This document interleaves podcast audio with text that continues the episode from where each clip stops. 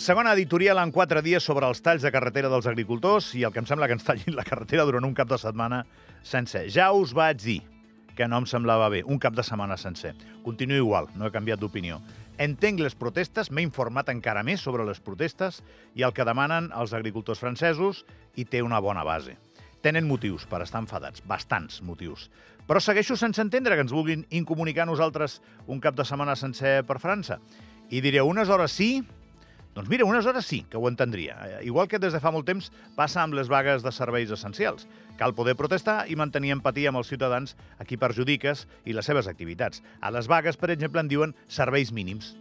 A les de la medicina, a les del transport, això passa així. I això no és mai perfecte, però crec que no és una mala solució. Em sembla una bona solució perquè el dret a protestar, pel que no et sembla bé, eh, és democràtic i al mateix temps també ho ha de ser que no s'aturi el món.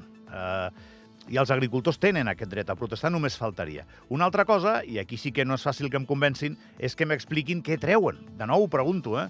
D'incomunicar per França Andorra un cap de setmana sencer.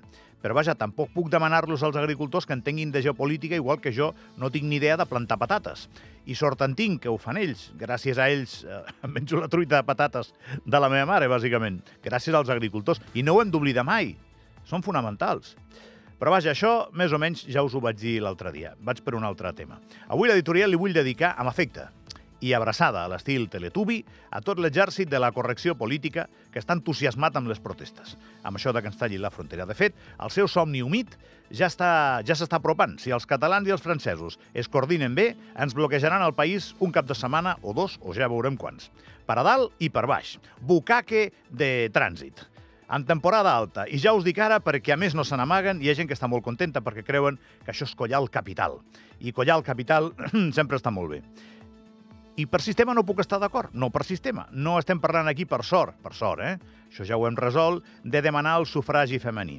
No estem parlant aquí d'acabar amb l'apartheid racista. Això són protestes sectorials ben legítimes i necessàries, segurament. El que jo no trobo bé és que ens incomuniquin al país. I no crec que sigui tan raro que no ho trobi bé.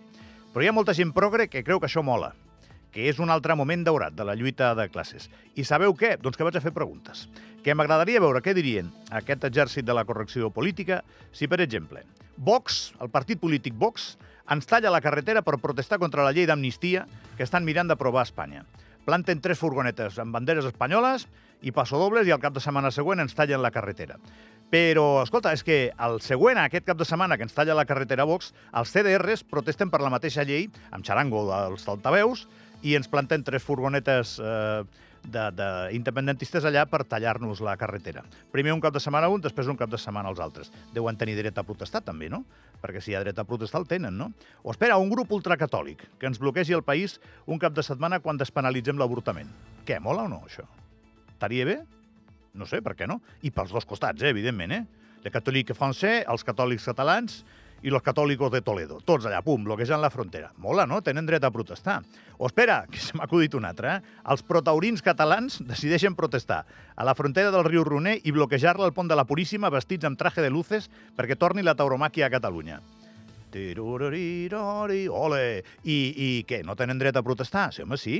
I els toros tenen molta tradició, no?, a Espanya i a Catalunya. On posem la frontera? Bueno, la frontera la tenim posada ja, per dalt i per baix. Doncs a mi això crec que és més senzill dir. Igual que protestin unes hores, sí, però no que tallin el país un cap de setmana. Amics i amigues, apòstols de la correcció política, us semblarien bé totes aquestes protestes i les conseqüències econòmiques adherides?